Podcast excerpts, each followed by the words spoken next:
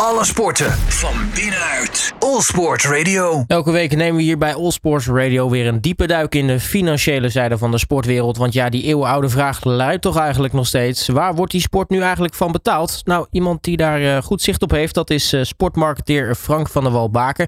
Sterker nog, het is zijn uh, beroep. Frank, hele goedemiddag. Goedemiddag, Robert. Uh, we beginnen met Chelsea, want nou, we weten, die heeft een nieuwe Amerikaanse eigenaar, hè, Todd Boehly. Um, en meestal, als dan een club opnieuw wordt uh, overgenomen, dan is uh, een van de eerste dingen waar we naar kijken zijn, ja, wat worden die nieuwe plannen voor zo'n club? Ja, het is, sinds kort is die meneer Todd Boehly, die een Amerikaan inderdaad, die kocht de club van de Rus Abramovic, hè, die eigenlijk meer gedwongen werd om afscheid te nemen van al zijn bezittingen, inclusief zijn club omdat hij Russisch is. Uh, het, naar verluid werd daar 4,5 miljard dollar voor betaald door meneer Booley. Um, hij heeft met de club uiteraard, anders had hij niet gekocht, ambitieuze plannen. Uh, en een van die plannen is, um, en dat is, zie je toch in toenemende mate, dat een club ook eigenaar wil zijn van het stadion. En dat ze dat stadion helemaal high-tech en ja, voldoen aan de huidige standaards van de verwende consument. Uh, het Stamford Bridge stadion van Chelsea is enigszins oud. Uh, en meneer Booley heeft besloten dat het huidige stadion moet worden gesloopt.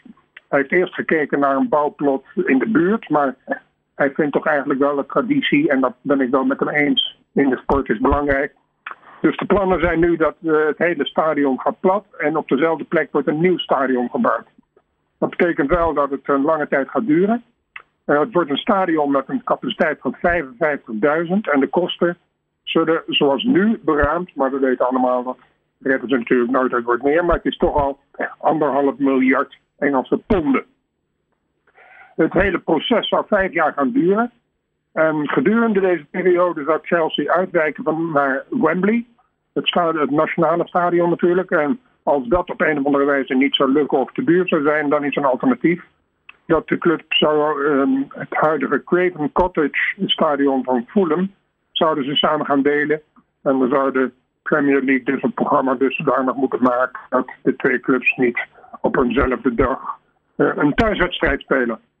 Uh, intussen, over stadions gesproken, heeft Manchester City aangekondigd dat hun Etihad Stadium, en over Etihad straks nog even meer, maar dat even terzijde, uh, ook dat stadion zal worden niet plat gegooid, maar gerenoveerd. En de capaciteit zal worden uitgebreid van 50.000 naar 60.000. Um, het is toch wel langer meer duidelijk dat de inkomsten van een club belangrijk komen uit de voorzieningen in de stadions. En dan met name aan VIP-arrangementen, skyboxen. Daar is erg veel aan te verdienen. Dan blijven we nog even bij eh, de heer Todd Boehly. Want nou, hij heeft Chelsea in handen. Maar uh, hij is op zoek naar meer clubs om over te nemen. Ja, zoals vele andere investeringsfondsen en persoonlijke meneren en mensen uit het Midden-Oosten, die zijn kennelijk niet tevreden met het bezit van één club. Um, dat zal ongetwijfeld ook een zakelijke achtergrond hebben dat je met meerdere clubs in je bezit kan je bepaalde zaken natuurlijk delen, waardoor er een financieel plaatje ontstaat dat wellicht gezonder is dan het hebben van één club. Maar goed, meneer Todd Dooley die uh, is ambitieus en die heeft zijn ogen gericht op de Ligue 1, de Franse Ligue 1 club, Racing Club Strasbourg. Um, om die in te lijven, dat wij de gesprekken gaan en die zouden al ver zijn. Dus dat zal dus wel gaan lukken.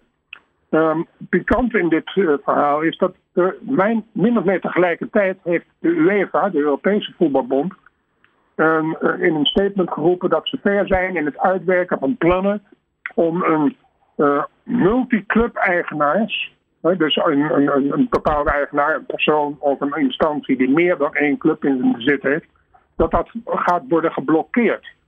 Um, het zou volgens de UEFA de integriteit van het voetbal aantasten. En daar zit wel wat in. Kijk of het gebeurt of niet, maar het werkt natuurlijk wel speculaties in de hand. Dat er een open deur ontstaat voor mogelijke matchfixing.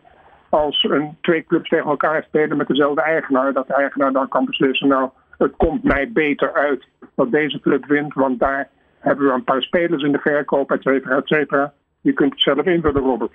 Dus uh, ik vind dit een, een zeer interessante en uh, best wel drastische ontwikkeling als het doorgaat. Want als we alleen nog denken aan de Citigroup, hè, de, waar Manchester City de, de, ja, de vlag zwaait, maar die organisatie die heeft zo langzamerhand iets van tien clubs wereldwijd in zijn bezit.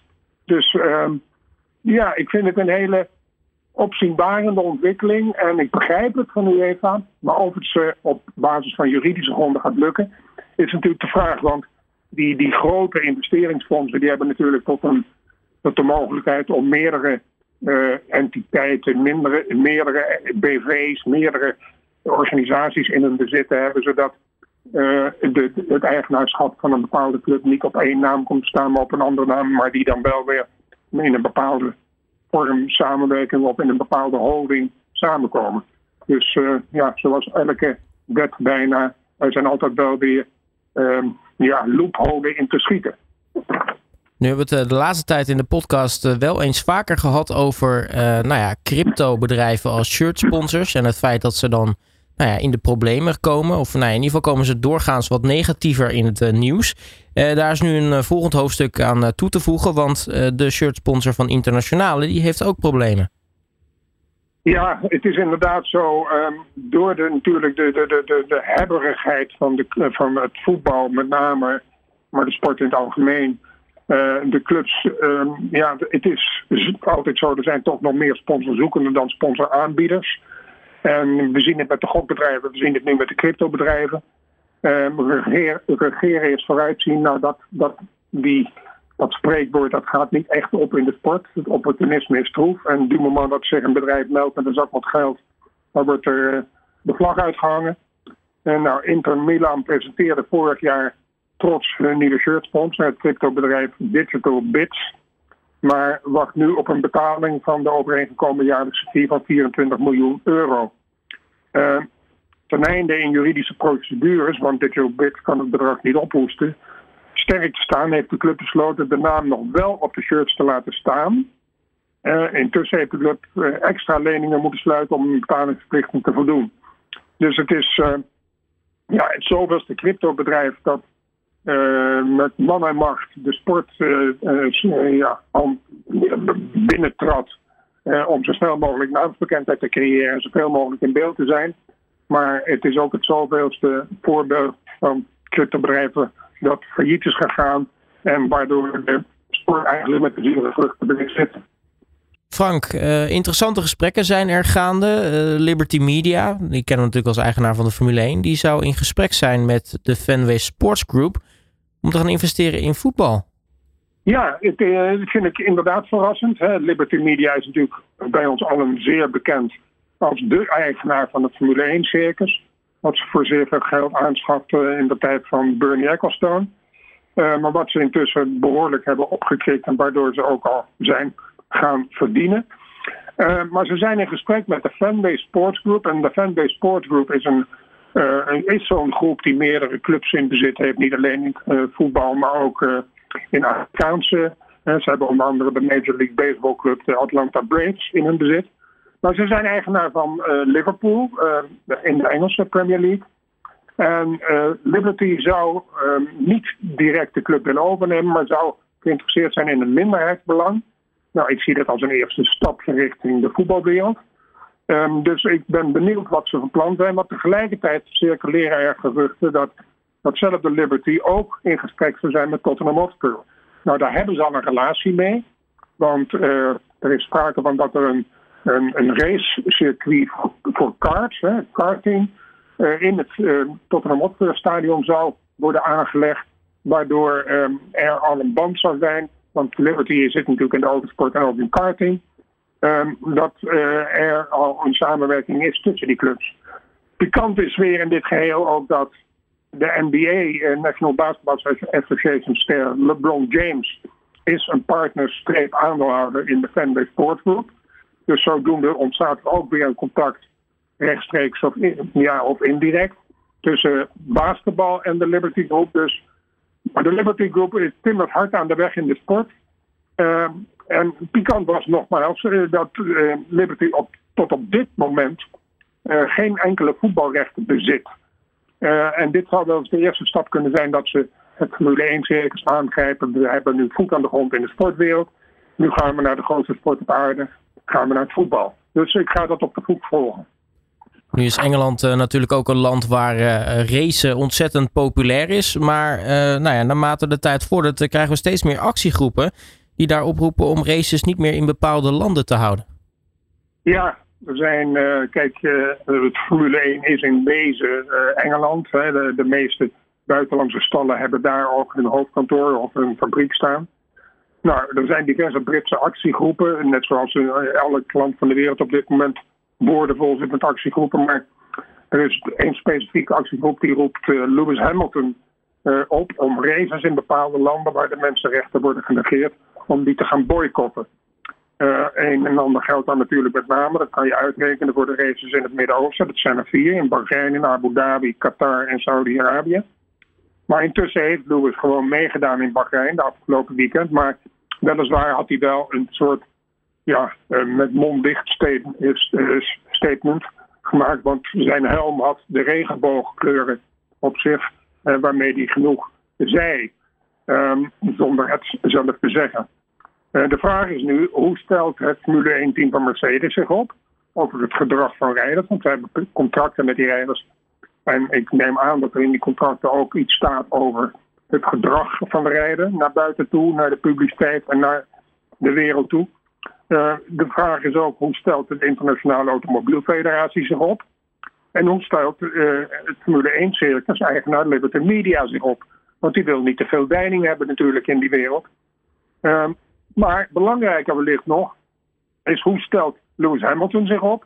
En hoe stellen andere rijders zich op ten aanzien van deze ontwikkeling die je niet kunt tegenhouden? Ehm, hij, Lewis Hamilton, en vele andere coureurs in het Formule 1 circus hebben al aangegeven zich sowieso niet te houden aan de maatregelen die de Internationale Automobielfederatie introduceren. En die maatregel die, die hield in, of die houdt in, dat coureurs zich moeten onthouden van standpunten over politieke en religieuze onderwerpen. Nou, uh, mensenrechten is natuurlijk toch, hoe je het ook bent of keert, een, een, een, een, politiek onderwerp. Dus ik ben zeer benieuwd hoe zich dit verder gaat ontwikkelen. Uh, een gevoelig onderwerp dat in toenemende mate in de sport de kop zal opsteken. Niet alleen in de Formule 1. Want naarmate de sportsterren populairder worden en meer uh, het, het, podium krijgen om hun mening te geven, zullen zij niet alleen zichzelf willen uiten, maar ze zullen ook hoe langer meer gevraagd worden om door een, voor een, door een sponsor om voor de boodschap uh, van die sponsor te gaan staan. En als een boodschap inhoudt, ja, religieuze situaties, politieke situaties, mensenrechten situaties. Nou, dan krijgen we dus ontwikkelingen waar de sport eigenlijk niet op zit te wachten, maar die wel passen in de huidige wereld. Dan uh, blijf nog even bij uh, sponsoren in de Formule 1, want uh, een kleine pikante situatie heb jij ontdekt volgens mij. Ja, een hele gekke situatie in, dit gekke wereldje van mij, hè, waar, waar, waar sport en sponsors en commercie en bepaalde vormen van exclusiviteit uiteraard, dat vaak gepaard is aan grote bedragen. Maar we hebben het over de Formule 1. Qatar Airways heeft uh, sinds kort een, zeer omvangrijk contract getekend met de Formule 1-organisatie Liberty Media. Uh, voor nabij de 100 miljoen wordt gezegd. Ehm, en dan zijn zij een van de overkoepelende sponsors van het hele Formule 1-circuit dus in deze alle races in het seizoen. Zullen zij optreden, zullen ze reclame krijgen langs de baan, et cetera. Nou, nu is het zo dat uh, concurrent uit het Midden-Oosten, Etihad Airways, hij is de hoofdsponsor van de Grand Prix in Abu Dhabi, of de presenting sponsor van de Grand Prix van Abu Dhabi. Die heet dan ook de Etihad Grand Prix. Dus krijg je een situatie dat Qatar Airways als een van de koepelsponsors is sponsor van de Etihad Grand Prix in Abu Dhabi. Nou, dat is al vreemd en merkwaardig. Uh, maar nu wordt het nog interessanter. De, de derde grote airline uit het Midden-Oosten, Emirates, uit Dubai. Emirates heeft een deal met Liberty over packages die ze aanbieden van toegangskaarten, inclusief hotel, inclusief uh, de, vlucht er naartoe. Dus er zijn drie concurrerende airlines in het Midden-Oosten. Uh, die ongetwijfeld enorme bedragen uh, betalen voor deze rol die zij mogen vervullen. Maar ik neem het toch een beetje, de Formule 1-organisatie, zijn de dus Liberty, neem ik het een beetje kwalijk dat ze dit verwarrende patroon um, creëren. En ze maken in, denk ik, zo schat ik het in, misbruik van de, ja, de eagerness, de, de, de, de, de, wens, de, de ijdelheid van um, de, de verschillende airlines om betrokken te zijn bij dit megaspectakel dat wereldwijde exposure heeft. Maar ik vind het een hele merkwaardige, en ik zou bijna zeggen voor het handboek sponsoring, een leuke case om eens te behandelen. Alfa Tauri dan, Frank. Uh, een van de renstallen uit de Formule 1. Het, uh, het baby Red Bull, als we het uh, nog steeds zo mogen noemen. Um, de grote vraag is nou eigenlijk bij iedereen: is, is de renstal nou te koop, de ja of de nee? Ja, wordt, het wordt ten zeerste ontkend door Alfa Tauri zelf en ook door Red Bull. Maar dat zegt mij niet zoveel in de sportwereld vandaag de dag. Maar überhaupt, ook in de politiek worden dingen ontkend die wel zo zijn. Maar goed, het Alfa Tauri team dus, het is de dochter van het Red Bull team. voormalig was de naam Toro Rosso. maar um, de, de familie Matefiets, eigenaar van het Red Bull concern, die hebben allerlei dochterondernemingen. En een van de dochterondernemingen is het modemerk Alfa Tauri. Dus op een gegeven moment hebben ze besloten het Alfa Tauri team te noemen. Uh, het ze zeggen dat het niet te koop is. Mijn conclusie is, of mijn mening is, dat het definitief wel te koop is. Uh, hoe kom ik tot die conclusie? Um, allereerst, helaas, de dood van Red Bull baas en oprichter Dietrich Mateschitz enkele weken geleden. Uh, het racen, uh, dat het merk Red Bull geen windeier heeft gelegd, was zijn baby. Uh, nu zijn opvolgers aan het bewind zijn, stellen die zich de logische vraag waarom twee teams, en waarvan het tweede team notabene niet top presteert, en bovendien verlies maakt. Want het dochter kledingmerk Alfa Tauri behorend tot die Red Bull, en dat, tot dat Red Bull Imperium, maakt verlies. Dus die vele tientallen miljoenen die uit dat kledingmerk naar het Formule 1-team gaan, die kunnen het verlies van het kledingmerk opheffen, zou het team worden verkocht. Dan heeft het team al voor het eerst een niet-Red Bull sponsorschap aan boord gehaald. En dat is de Poolse energiegigant Orlen, die uh, om en nabij de 40 miljoen, meen ik, betaalt. Uh, dus dat is al prettig. Uh, en dat was oorspronkelijk tegen het beleid in van het team, want meneer, de oude meneer Mateschitz, die zei we willen alleen maar sponsors uit ons eigen concern. Nou, dat is ook recentelijk doorbroken door Oracle als een van de hoofdsponsors van Red Bull Team, van Max. Dus de feiten wijzen op een andere richting in de strategie van het team. Dan de vraag, uh, wie zou een eventuele koper zijn? Nou, er is op dit moment al enige maanden sprake van dat een Amerikaans team onder leiding van de legendarische Mario Andretti en zijn zoon Michael Andretti, dat die het Formule 1-circus willen binnentreden. Dat zouden ze doen met General Motors. Uh, het merk Cadillac zou aan de voorgeschoven worden. Maar de Formule 1-organisatie is huiverig om het aantal teams uit te breiden. Dus richten meneer Andretti en zijn backers, General Motors, zich op een bestaand team. En als er dan eentje te koop is, dan is dat natuurlijk interessant. En als Red Bull Stal wordt geconfronteerd met verliesleidend Alfa Tauri en een team dat ook niet echt goed presteert, vooralsnog. En dat is enigszins jammer natuurlijk voor Nick de Vries om dit te constateren. Maar goed, hij heeft een contract en als het team wordt verkocht, wordt hij meeverkocht. Um, bovendien, en dat heb ik al eens eerder aangestipt in deze podcast, um, is het zo dat het Red Bull nummer 1 team rijdt op dit moment met Honda-motoren. Maar ze hebben al een contract getekend met Ford dat in de toekomst worden dat Ford-motoren. En de Ford General Motors Clash concurrentie is natuurlijk weer interessant voor de Amerikaanse markt met name. En dat speelt Liberty Media weer in de kaart.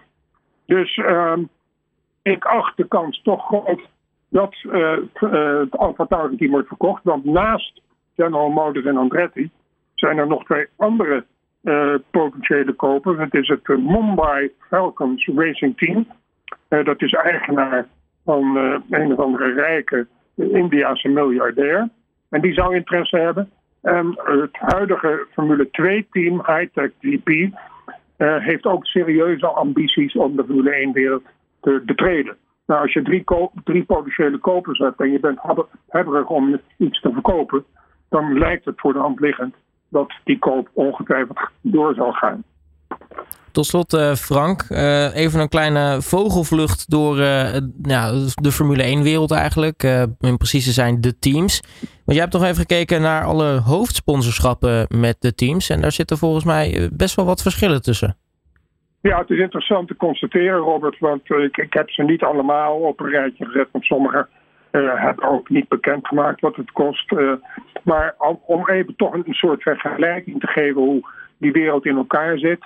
Nou, het Alfa Romeo-team um, heeft als hoofdsponsor Stake Online Casino. Dat is een Australisch uh, gokbedrijf.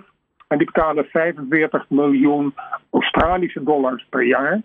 Nou, als we dat vergelijken met bijvoorbeeld Aston Martin, die heeft als hoofdsponsor uh, dat uh, high-tech bedrijf Cognizant en die betalen 30 miljoen pond per jaar. Maar als ik dat alweer vergelijk met de al even oude, zou ik bijna willen zeggen, Shell bij Ferrari.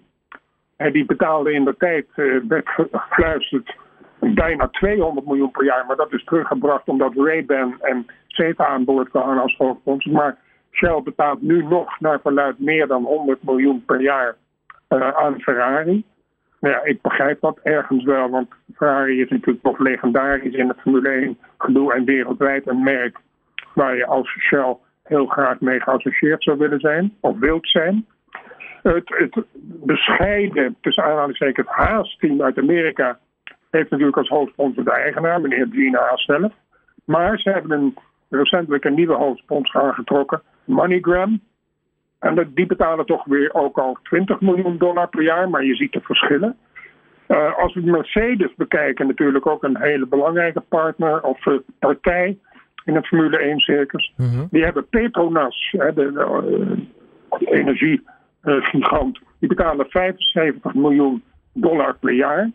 Ze hebben ook als hoofdsponsor Ineos, die betaalt slechts tussen aanhalingstekens 20 miljoen pond per jaar, maar zijn ook tevens 33% eigenaar van het Mercedes Formule 1 team. Want zoals je weet, Robert, het Mercedes team is in drie handen. Mercedes heeft 33%. Ineos heeft 33% En de manager Toto Wolff heeft ook 33% Nou, en tenslotte, last but not least, even het Red Bull team. Uh, dat was natuurlijk 100% Red Bull. Maar uh, sinds vorig jaar heeft Oracle uh, daar de stal verrijkt. en betalen naast natuurlijk enorm veel diensten in de high-tech sfeer en de software sfeer.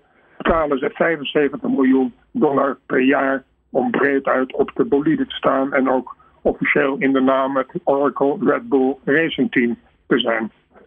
Nou, dat was het voor deze week, eh, Robert. Frank, mag ik je weer hartelijk danken voor je tijd en uh, spreek je natuurlijk snel weer. Oké, tot volgende week. Alle sporten van binnenuit. All Sport Radio.